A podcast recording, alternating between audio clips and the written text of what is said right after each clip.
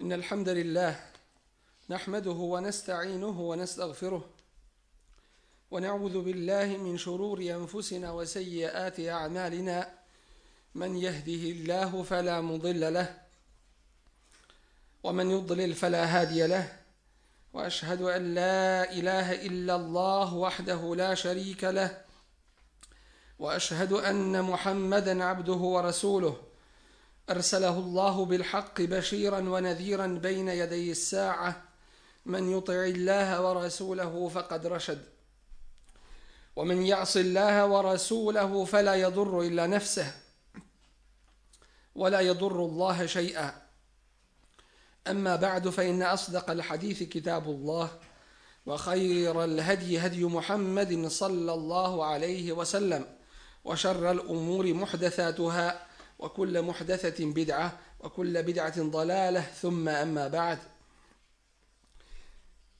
تيني جماعة أزوشني الله تبارك وتعالى كاجة القرآن الكريم قل إنما حرم ربي الفواحش ما ظهر منها وما بطن والإثم والبغي بغير الحق وأن تشركوا بالله ما لم ينزل به سلطانا وأن تقولوا على الله ما لا تعلمون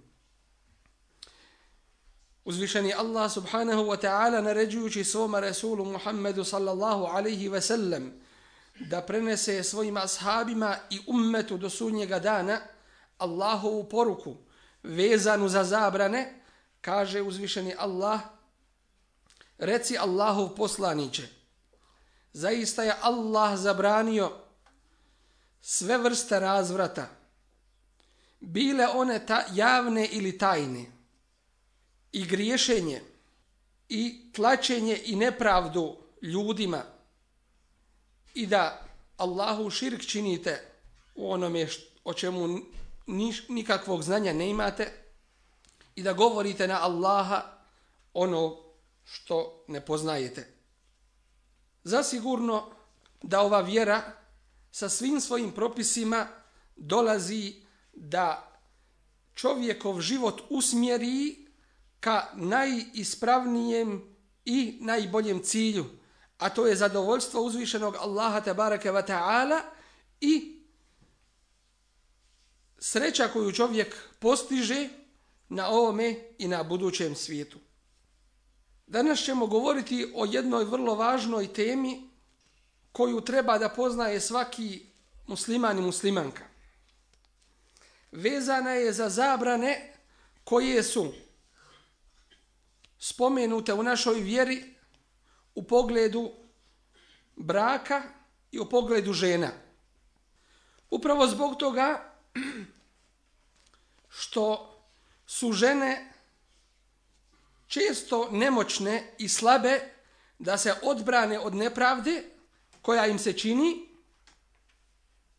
pa uzvišeni Allah te bareke ve taala uspostavljajući svoje propise vezane za brak i za žene garantuje njihova prava i propisuje kao dio svoje vjere koja se ispoljava primjenom tih obaveza i propisa ove naše vjere.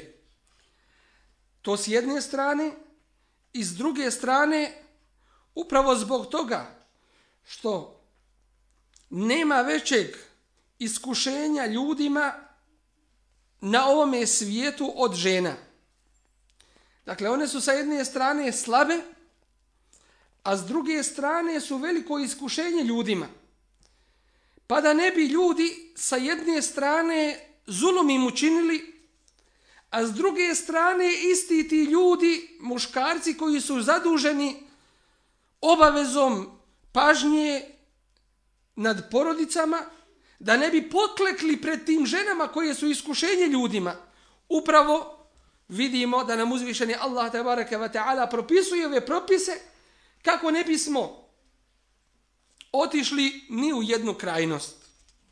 Dakle, to je taj put Islama, put ispravan, srednji put, koji nije ni jedna krajnost put siratullahi al-mustaqim. Vezano za zabrane koje je uzvišeni Allah tabaraka wa ta'ala propisao ovom vjerom, bilo Kur'anom ili sunnetom Resula alaihi salatu wa salam, ovom prilikom spomenut ćemo sljedeće.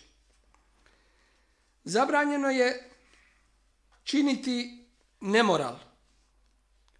I to svake vrste koji se često spominje u Kur'anu imenom fawahish a to je razvrat. A konkretno se spominje riječ zina, nemoral i blud. Tako uzvišeni Allah te bareke ve taala zabranjuje i približavanje bludu, a kamo li san čin bluda. I kaže: "Wala taqrabu zina", i ne približavajte se zinaluku. Dakle, stroga zabrana i haram približavanja zinaluku. Svemu što vodi tome innehu kane fahišete u mamakta. To je zaista razvrat i ogavno. Wasa'e se bila. Loš je to put. Sve što vodi u taj razvrat jeste ono čime čovjek biva podstaknut da ga čini. Bilo gledajući, bilo razmišljajući o tome, bilo dodirujući, bilo idući, bilo trošeći i metak na tom je putu, bilo miješajući se sa ženama koje nam nisu mahremi i na bilo koji drugi način. Ova vjera nam isto tako spriječava i zabranjuje da se odričemo ženitbe i udaje, jer to nije od njih. To se u islamu naziva tebetul. Da čovjek odluči da se neće ženiti ili žena ili djevojka da se neće udavati. To je po islamu zabranjeno isto tako. Zabranjeno je, vidjet ćemo, i da čovjek vrši kastriranje ili škopljenje. Kako ne bi bio u mogućnosti da se ženi ili da to bude način da se odvrati od ženitbe. Upravo zbog toga što je to štetno po čovjeka, a drugo što je to u suprotnosti sa propisom ženitbe i udaje. Jer uzvišeni Allah dželle šanehu koji nas je stvorio i koji najbolje zna nas same sa našim svim prohtjevima, željama, nadama i htjenjima, zasigurno sigurno da ono što je dao da budemo i onakvi da, kakvi jesmo da budemo, zasigurno da uzvišeni Allah Đelešanuhu to usmjerava. Dakle, kada je dao čovjeku želju i volju za brakom, za drugim polom, nije to spriječio i zabranio u osnovi, već je to usmjerio brakom i dozvoljenim sredstvima, a nikako se to ne smije odbacivati niti se smije činiti ono što će čovjeka od toga odvesti. I u tome, dakle, u nehtijenju ženitbe i udaje, u odbacivanju toga ne pokazuje se pobožnost niti pokornost Allahu Đalešanuhu, već upravo u ženitbi i u udaji. Zabranjeno nam je da ženimo po kuranskom ajetu naše majke i kćeri i sestre i sestre očeva naših i sestre majki naših i bratične naše i sestrične naše i pomajke naše koje su nas dojile i sestre naše po mlijeku i majke žena naših i pastorke koje se nalaze pod našim okriljem od žena naših s kojima smo imali bračnu vezu i žene naših rođenih sinova, sve je to islamom zabranjeno. Isto tako vidjet ćemo da je zabranjeno da čovjek u jednome šerijatskom braku sastavi više od četiri žene. Dakle, ono što je dozvoljeno po islamu to je da šerijatskim brakom dozvoljenim, ispravnim, pod jednakim pravima sastavi kod sebe četiri žene. Zabranjeno nam je po islamu da ženimo mušrikinje. Žene koje su mnogoboškinje, koje obožavaju više božanstava. One koje slijede komunističku ideologiju i bili bilo kakve druge. Ono što nam je dozvoljeno, to su muslimanke ili ehli kitabike, židovke i kršćanke, pod određenim strogim uslovima koje je šarijat propisuje. Pod uslovom da one nisu od naroda koji se bori protiv muslimana. Niti musliman živi u takvoj državi i takvome mjestu gdje postoji realna opasnost da će djeca iz toga braka zalutati i da će otići na drugu vjeru kao što je zabranjeno muslimanki sa druge strane da se udaje bilo za koga osim samo za muslimana. I ovdje napominjemo da se pod muslimanom smatra onaj koji ističe da je musliman svojim šahadetom i to potvrđuje svojim dijelima.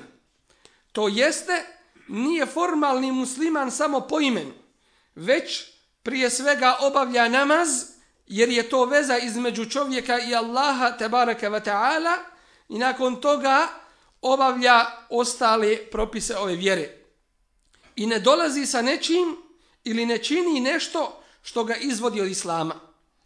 U slučaju da se desi da žena ili muškarac odreknu se Allahove tebareke ve ta'ala vjere, bilo da su je tek sada spoznali, jedno od njih, a drugo neće da prihvati to, ili su bili u islamu, ali jedno od njih se odreklo Allahove vjere, ili govori protiv Allaha te bareke ve taala, ili je napustilo namaz i nijeće islamske propise, ili radi ono što ga izvodi od islama, takva osoba će se upozoriti.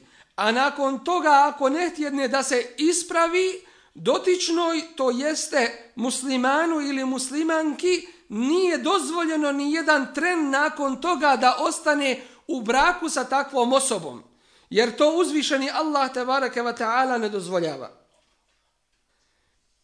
Uzvišeni Allah tebareke ve taala zabranjuje brak koji se zove šigar. To jeste da dvojica ljudi ili dvojica staratelja se dogovore da svaki od njih drugome da kao ženu njegovu štićenicu s tim da se među njima poništi mehr. To je haram i to je zulum koji se čini. I to je zabranjeno strogo po islamu. Uzvišeni Allah u svojoj vjeri zabranjuje brak koji se zove muta, a to je privremeni brak koji se zasniva na tome da prilikom sklapanja braka dogovori se period trajanja toga braka. To je zabranjeno po Allahu i tabaraka wa ta'ala vjeri. Zabranjeno je isto tako da se obavi brak ili da se stlopi brak i da se dogovori bračni ugovor osim sa starateljem i dva svjedoka. Dakle, bez toga se ne može sklopiti bračni ugovor. Zabranjeno je da žena uda ženu ili da žena uda sama sebe. Zabranjeno je da se udaje udovica dok se ne upita za savjet. A ona koja prije nije bila, biva, bila udavana, zabranjeno je da se udaje dok se od nje ne zatraži izun to jeste dozvola. A njena dozvola ili pristanak za taj brak jeste njena šutnja. Dakle, i šutnja kod nje se prihvata kao, kao odobrenje zbog stida takve djevojke da priča o tim stvarima. Zabranjeno je da čovjek traži zaruke na zaruke koje je već zatražio njegov brat musliman. Osim ako ovaj ostavi ili dozvolimo. Zabranjeno je da se čini zaruka ili traži da se učini zaruka ženi koja je ostala nakon muža u idetu, u pričeku, koji takvoj ženi traje četiri mjeseca i deset dana. Zabranjeno je takvoj osobi doći i zatražiti od nje da se uda u periodu dok je još u tom je pričeku. Zabranjeno je da se otvoreno njoj kaže, a ne ima smetnje da joj se na neki način posredno nagovijesti kao da joj čovjek kaže tebi slična je tražena među muslimanima i tebi slična lahko će naći sebi muža.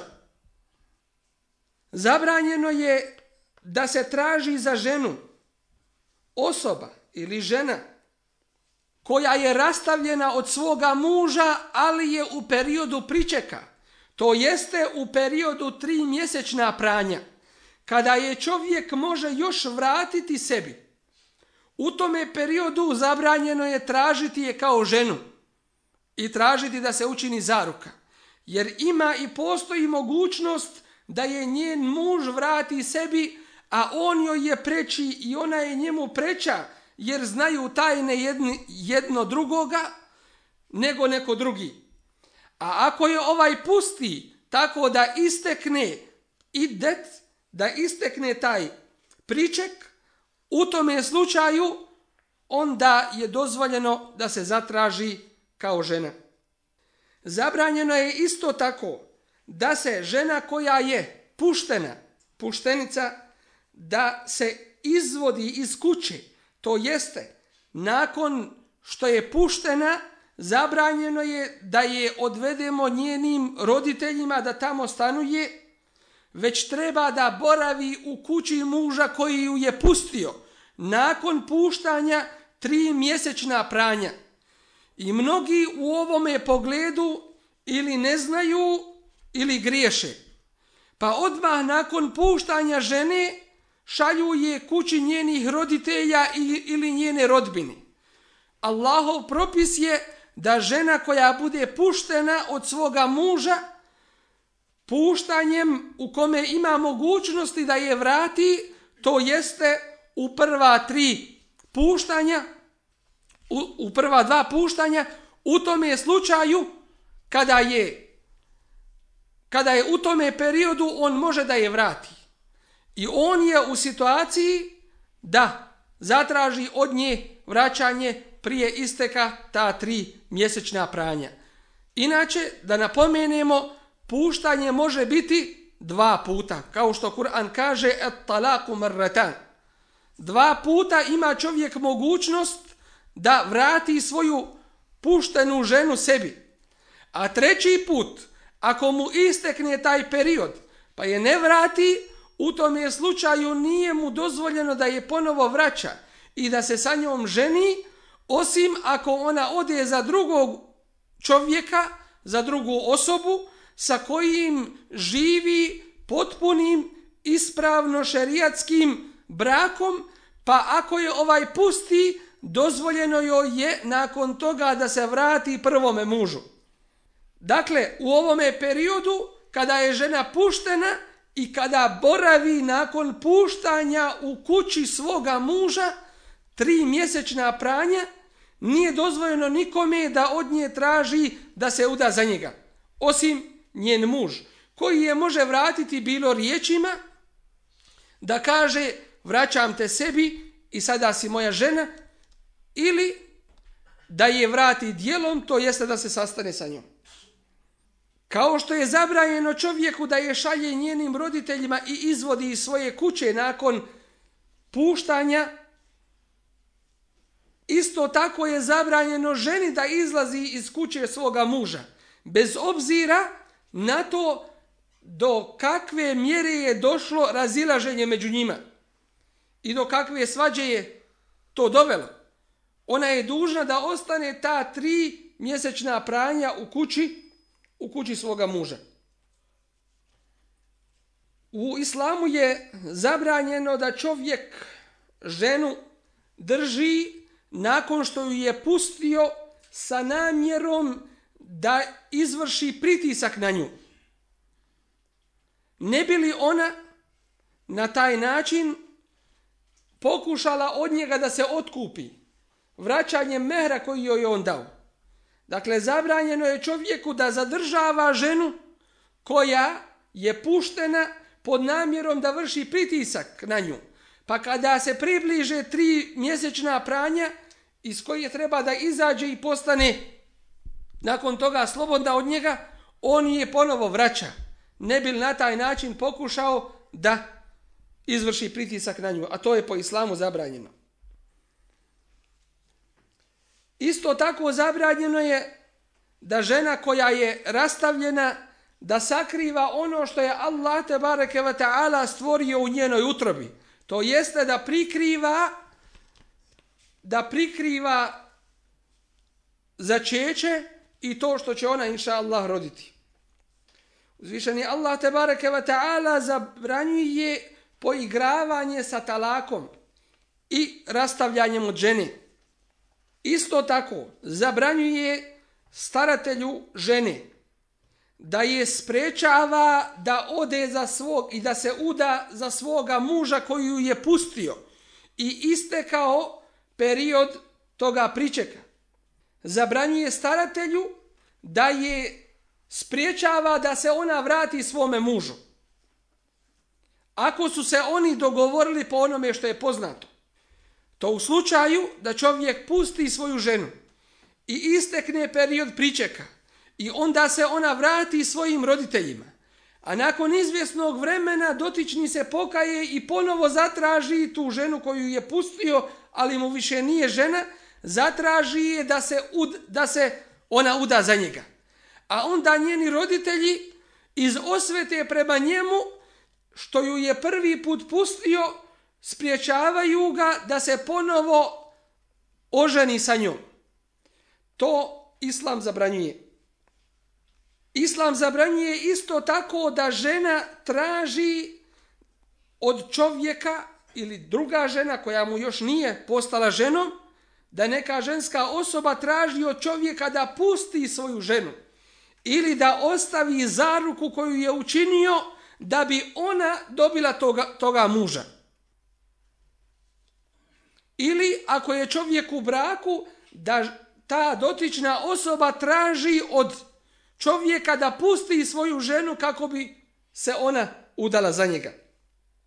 U islamu je navedena zabrana da pričaju bilo muž ili žena, bilo kome, o onome što se među njima dešava od tajnih stvari, to jeste bračnog života i sastajanja.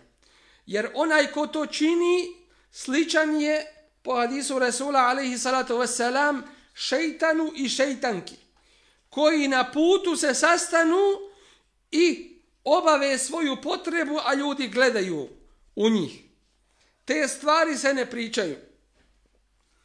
Zabranjeno je da se čovjeku žena nakudi i da se ženi čovjek nakudi.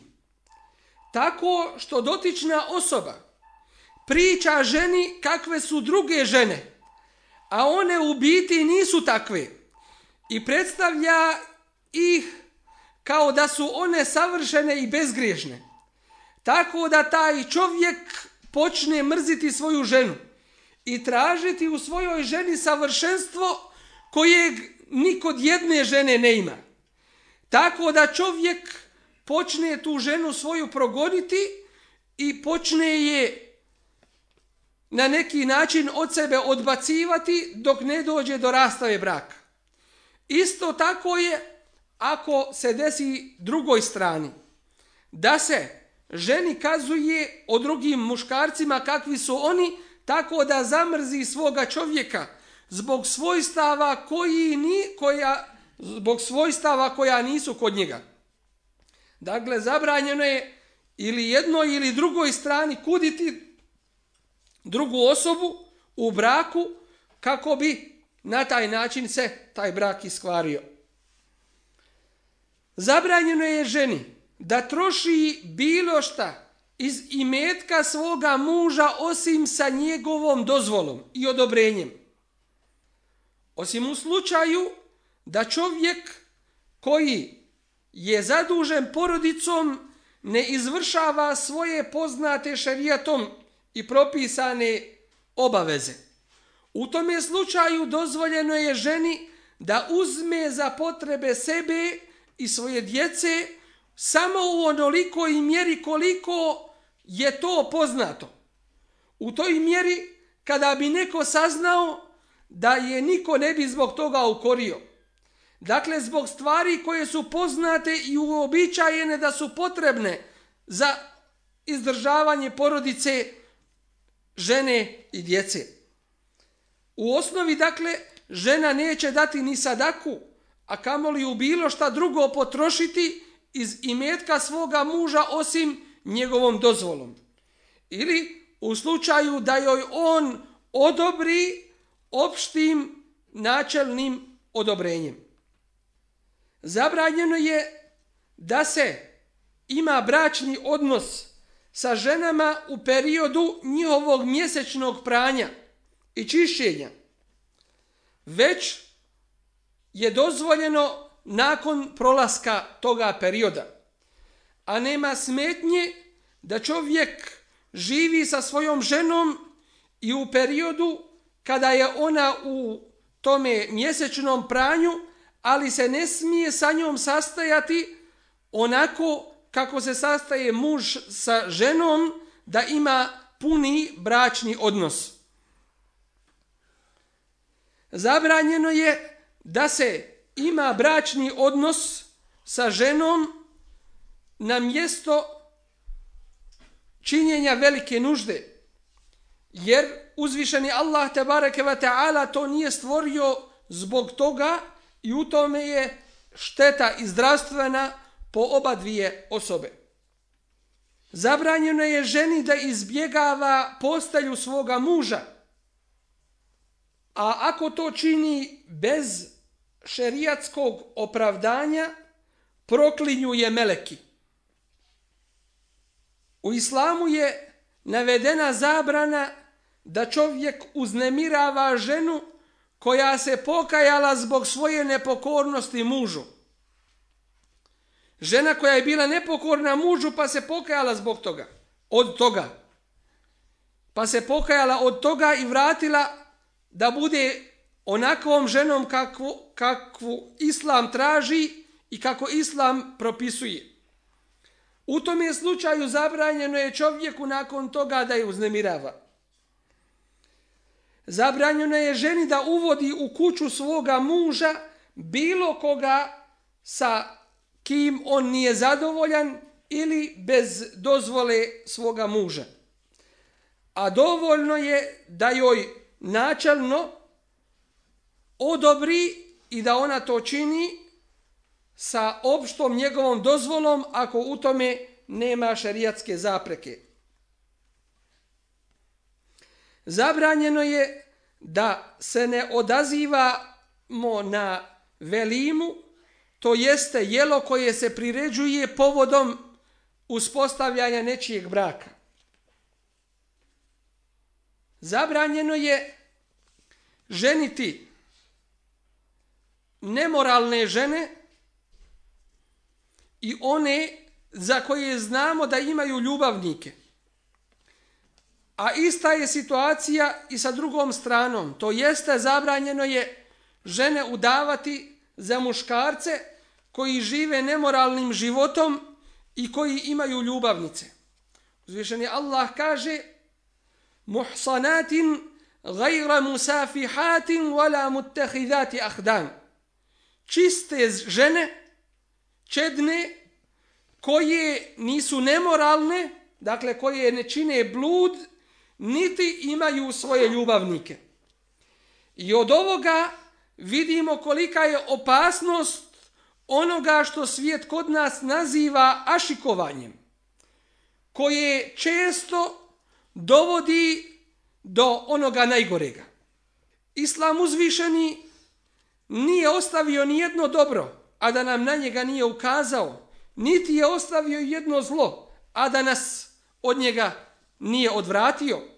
I zato nema ni jedne zabrane s jedne strane, a da s druge strane bolje rješenje od toga nije došlo. I zato u islamu postoji upoznavanje dvije strane na šerijatski način, u prisustvu mahrema, a nikako osamljivanjem, niti zajedničkim hodanjem kao što hodaju muškarac i žena koji su u braku, jer hodanje kroz čaršiju muškarca i žene koji nisu u braku, u prisustvu ljudi, dovode još do gorega. Što ljudi vide da oni žive jednim životom koji Allah nije propisao. A prisustvo ljudi ne čini da izađu iz harama. Već im nije dozvoljeno da idu bez mahrema, niti da sjede, niti da se negdje osamljuju. Zabranjeno je osobu, zabranjeno je čovjeku da izbjegava začeće kod svoje žene bez dozvole je svoje žene slobodne. Dakle, u tom pogledu kod začeća treba da postoji oba, obostrani dogovor i obostrani pristanak. Zabranjeno je čovjeku da da dolazi svojoj kući, svojoj porodici kasno na veče, tako da ih iznenadi kada dolazi sa puta. Ali ako im dođe najavljen, onda nema smetnje. Zabranjeno je čovjeku da uzme bilo šta od mehra svoje žene, osim sa njenim dobrovoljnim i dragovoljnim pristankom. Zabranjeno je zulum i nepravdu činiti ženi u braku, da bi se na taj način žena prisilila da se otkupi i da traži hula, da traži ona rastavu braka pod uslovom da vrati mehr. Ovo je zabranjeno. Zabranjeno je da čovjek svoju ženu naziva ti si mi kao majka ili ti si mi sestra. Dakle, zabrajeno je na taj način, a to je od džahilijetskih vrsta otpuštanja ženi. Ako to učini, onda se ne smije približiti svojoj ženi dok ne dadne kefaret ili dok se ne otkupi zbog toga. Ako bi čovjek slučajno rekao ženi to, to dakle da mu je kao sestra, to ne ulazi u ovu zabranu, ali u svakom slučaju to treba izbjegavati. Zabrajeno je čovjeku ako je u braku sa više od jedne žene da bude skloniji jednoj nego drugoj. Da jednu pazi i poštuje, a drugu da zapostavlja. Kur'anski ajet kaže وَإِنْ خِفْتُ مَلَّا تَعْدِلُوا فَوَاحِدَ Ako se bojite da nećete biti pravedni onda samo jednu.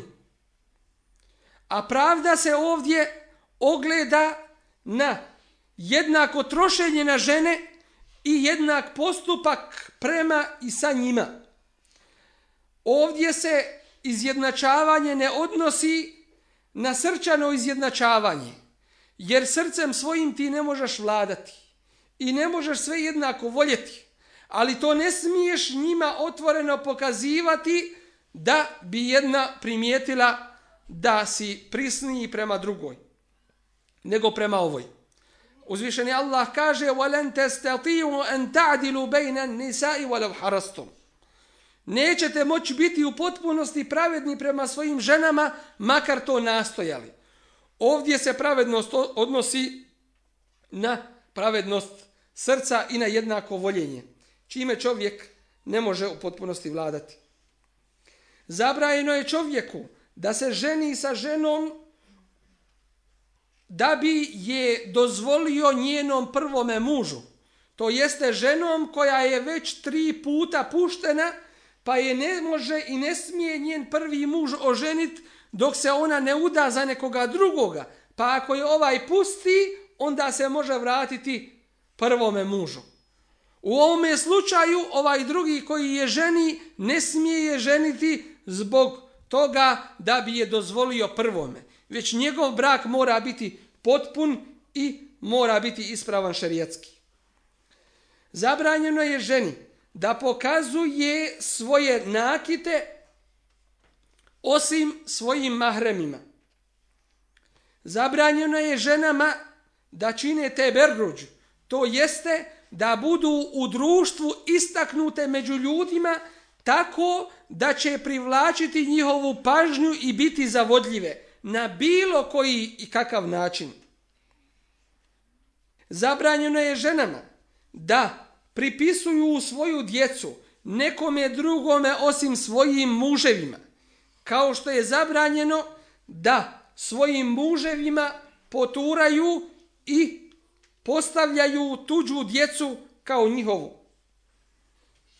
Zabranjeno je da žena čini štetu čovjeku svojim djetetom i da muž čini štetu svojoj ženi svojim djetetom.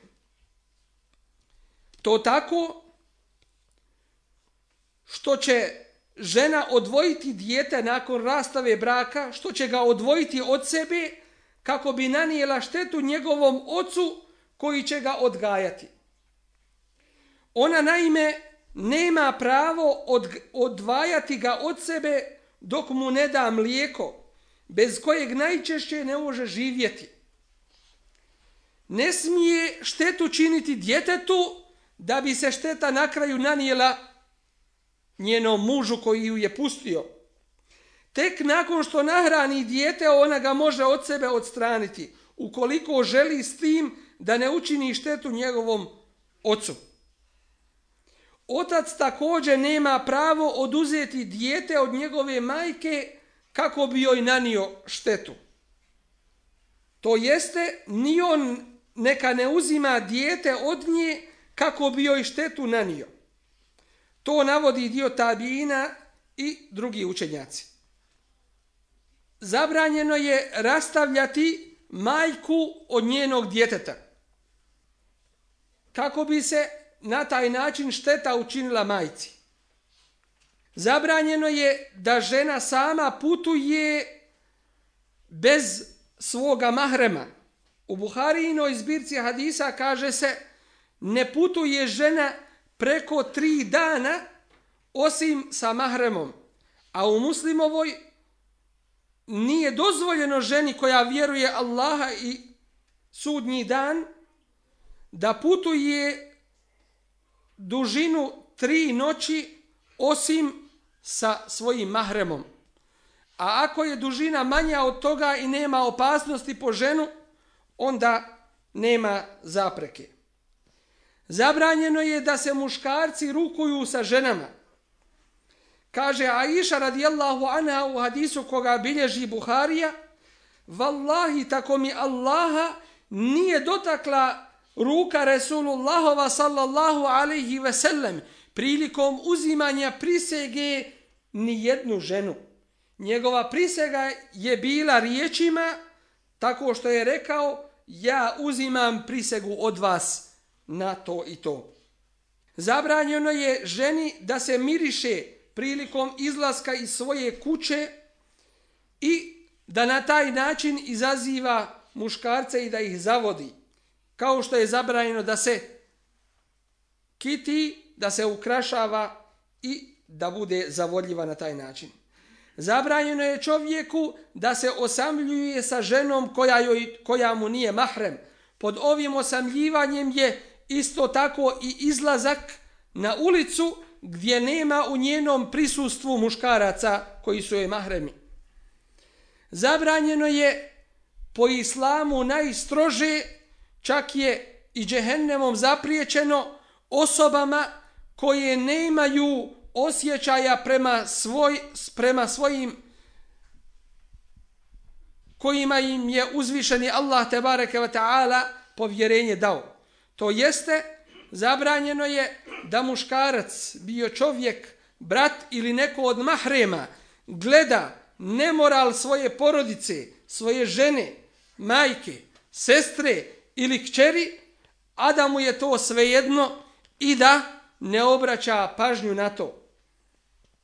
Zabranjeno je čovjeku, kao što je iz ženi, da pušta svoj pogled i da gleda po onome što je Allah te bareke ve taala zabranio. Kao što je zabranjeno da se prvi pogled ponovo vraća i da na taj način čovjek nastavlja gledati ono što je zabranjeno. Molim uzvišenog Allaha te bareke ve taala da nas pouči njegovim propisima, da nas učvrsti, ojača, da primjenjujemo ovo što nam je propisao i da budemo čvrsti u njegovoj vjeri. Amin ja rahman rahim. Poštovani džemaate, uzvišeni Allah te bareke ve taala govoreći nam o svojoj blagodati koju je podario čovječanstvu time što je sve što je na nebesima i na zemlji stvorio čovjeku da bude na usluzi i od toga ove blagodati koje imamo od jela i pića koje je uzvišeni Allah u osnovi dozvolio. Osnova u pogledu jela i pića jeste da je sve dozvoljeno. Osim onih stvari koje je uzvišeni Allah tabaraka wa ta'ala spomenuo da su zabranjene zbog njihove štetnosti, zbog negativnosti koje sa sobom nose i zbog mudrosti koju uzvišeni Allah tabaraka wa ta'ala najbolje poznaje. Uzvišeni Allah kaže Huwa alladhi khalaqa lakum ma fil ardi jami'a. On je taj koji vam je stvorio sve što je na nebesima i na zemlji da bude vama na usluzi. U tom je smislu spomenut ćemo nešto od zabranjenih stvari u pogledu jela i pića i jedenja i pijenja kako bismo se na taj način klonili svih vrsta zabrana koje su navedene našom vjerom.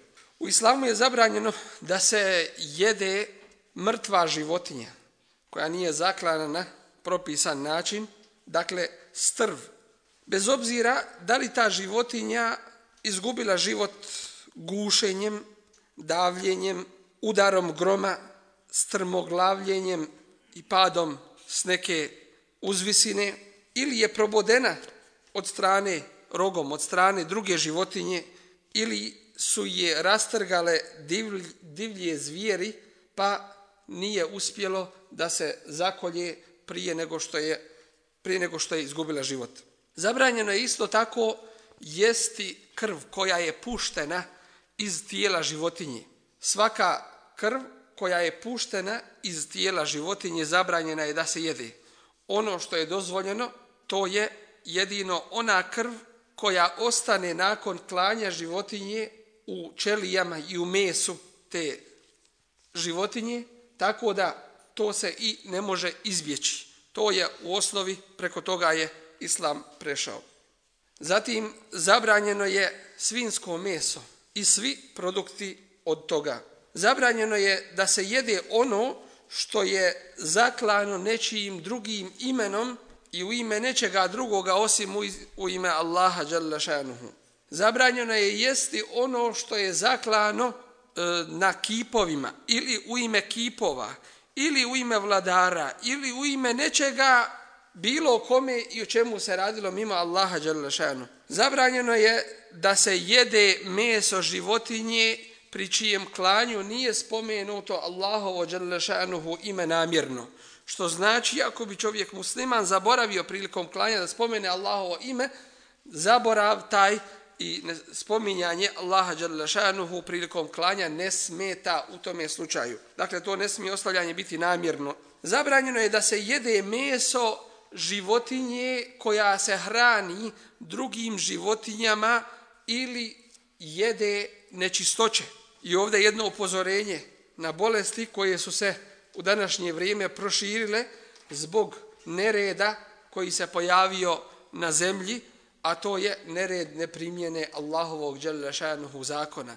Tako da se uzimaju životinje, strv, koja se prerađuje i u jednom drugom obliku daje se opet životinjama da one to, da one to jedu. Takve životinje su u stvari životinje te životinje čije meso nam je zabranjeno da jedemo. Dakle, u današnjem vremenu čovjek treba da pita i odakle je ta životinja. Ista je situacija i sa životinjama koje su puštene, pa se same hrane, a znamo da se hrane nečistoćama. Radilo se o peradi, radilo se o sitnoj ili krupnoj stoci. Kada hoćemo tu stoku da zakoljemo, onda je nekoliko dana ostavimo da se, da se očisti, od tih nečistoća koje je, koje je jela i onda nakon toga je zakoljemo. Isto tako nije dozvoljeno piti mlijeko od životinja, piti mlijeko od životinja koje se hrane nečistoćama. Dakle, još jedno upozorenje i vi ćete vidjeti danas u državama koje su ustale da se bore protiv Allahovog dželešajanohu zakona i koje je uzvišeni Allah kaznio tom kaznom ludih krava, vidjet ćemo da druge zemlje od njih zaziru i kažu na ulazima njihovu teritoriju, piše zabranjeno je unositi meso, mlijeko i mliječne prerađevine u dotičnu državu. Jer se ne samo mesom, nego i onim što proizilazi i što dakle izlazi iz te životinje, širi ta bolest. Dakle, zabrana da se jede životinja koja se hrani nečistoćama ili da se njeno mlijeko pije i upotrebljava. Zabranjeno je da se jedu deraće životinje koje su sa očnjacima, kao što je lav, leopard, vuk, medvjed, gepard, pas, šakal, lasica i tome je slično. Zabranjeno je isto tako jesti ptice koje su sa kanđama, kao što je orao, soko, jastreb, kobac, sova i tome slično. Zabranjeno je jesti meso magarca. Zabranjeno je ubijati žabu.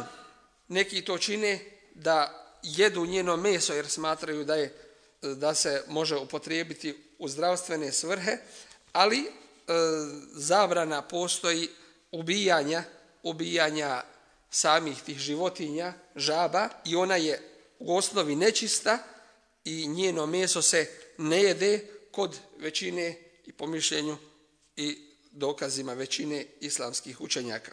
Zabranjeno je životinju zatvoriti tako da joj ne damo da jede iz, e, i na taj način da ona ugine ili da je zatvorimo pa je gađamo kao zatvorenu i na taj način da je, da je ubijemo. Zabranjeno je isto tako da se jede lovina životinja koje se koriste u lovu, ali one za taj lov nisu naučene niti pripremljene. Dakle, pas koji se pošalje u lov treba da bude zato izdresiran i pripremljen za to. To jeste, kada ga pošaljemo, kada mu naredimo da ide, odazove se. Kada mu kažemo da stane, stane. Kada mu kažemo da se vrati, vrati se. Ne uzima za sebe tu, e, tu lovinu, već je donosi svome vlasniku i sa bismilom ako se pošalje taj pas da ulovi ono što donese svome vlasniku dozvoljeno je da se, da se jede. Isto tako, nije dozvoljeno da se jede lovina koju ulovi pas koji je izdresiran, ali on se pomiješao sa drugim psima koji nisu izdresirani. Pa u tom je slučaju ne znamo koji je tu lovinu ulovio. Možda je neki koji nije izdresiran. Dakle, kada postoji sumnja, ne smijemo, ne smijemo to upotrebljavati. Ista situacija je sa hranom koju nalazimo, čije specifikacije nalazimo na raznim omotima, gdje piše o, o, unutra e, ima sastojaka životinskih masnoća. Pošto ne znamo o kakvim životinskim masnoćama se nalazi, pošto ne znamo da li je ta životinja kako treba zaklana i tako dalje, to nam u osnovi dakle nije dozvoljeno da jedemo gdje postoji ta realna mogućnost za nečistim nečim da dođe u naše tijelo. Isto tako nije dozvoljeno da se prilikom da se jede lovina koja je ubijena nekim tupim predmetom ili strilom, ali na taj način, dakle, e, spljoštenim dijelom strele, tako da nije probila kožu, niti je pustila krv.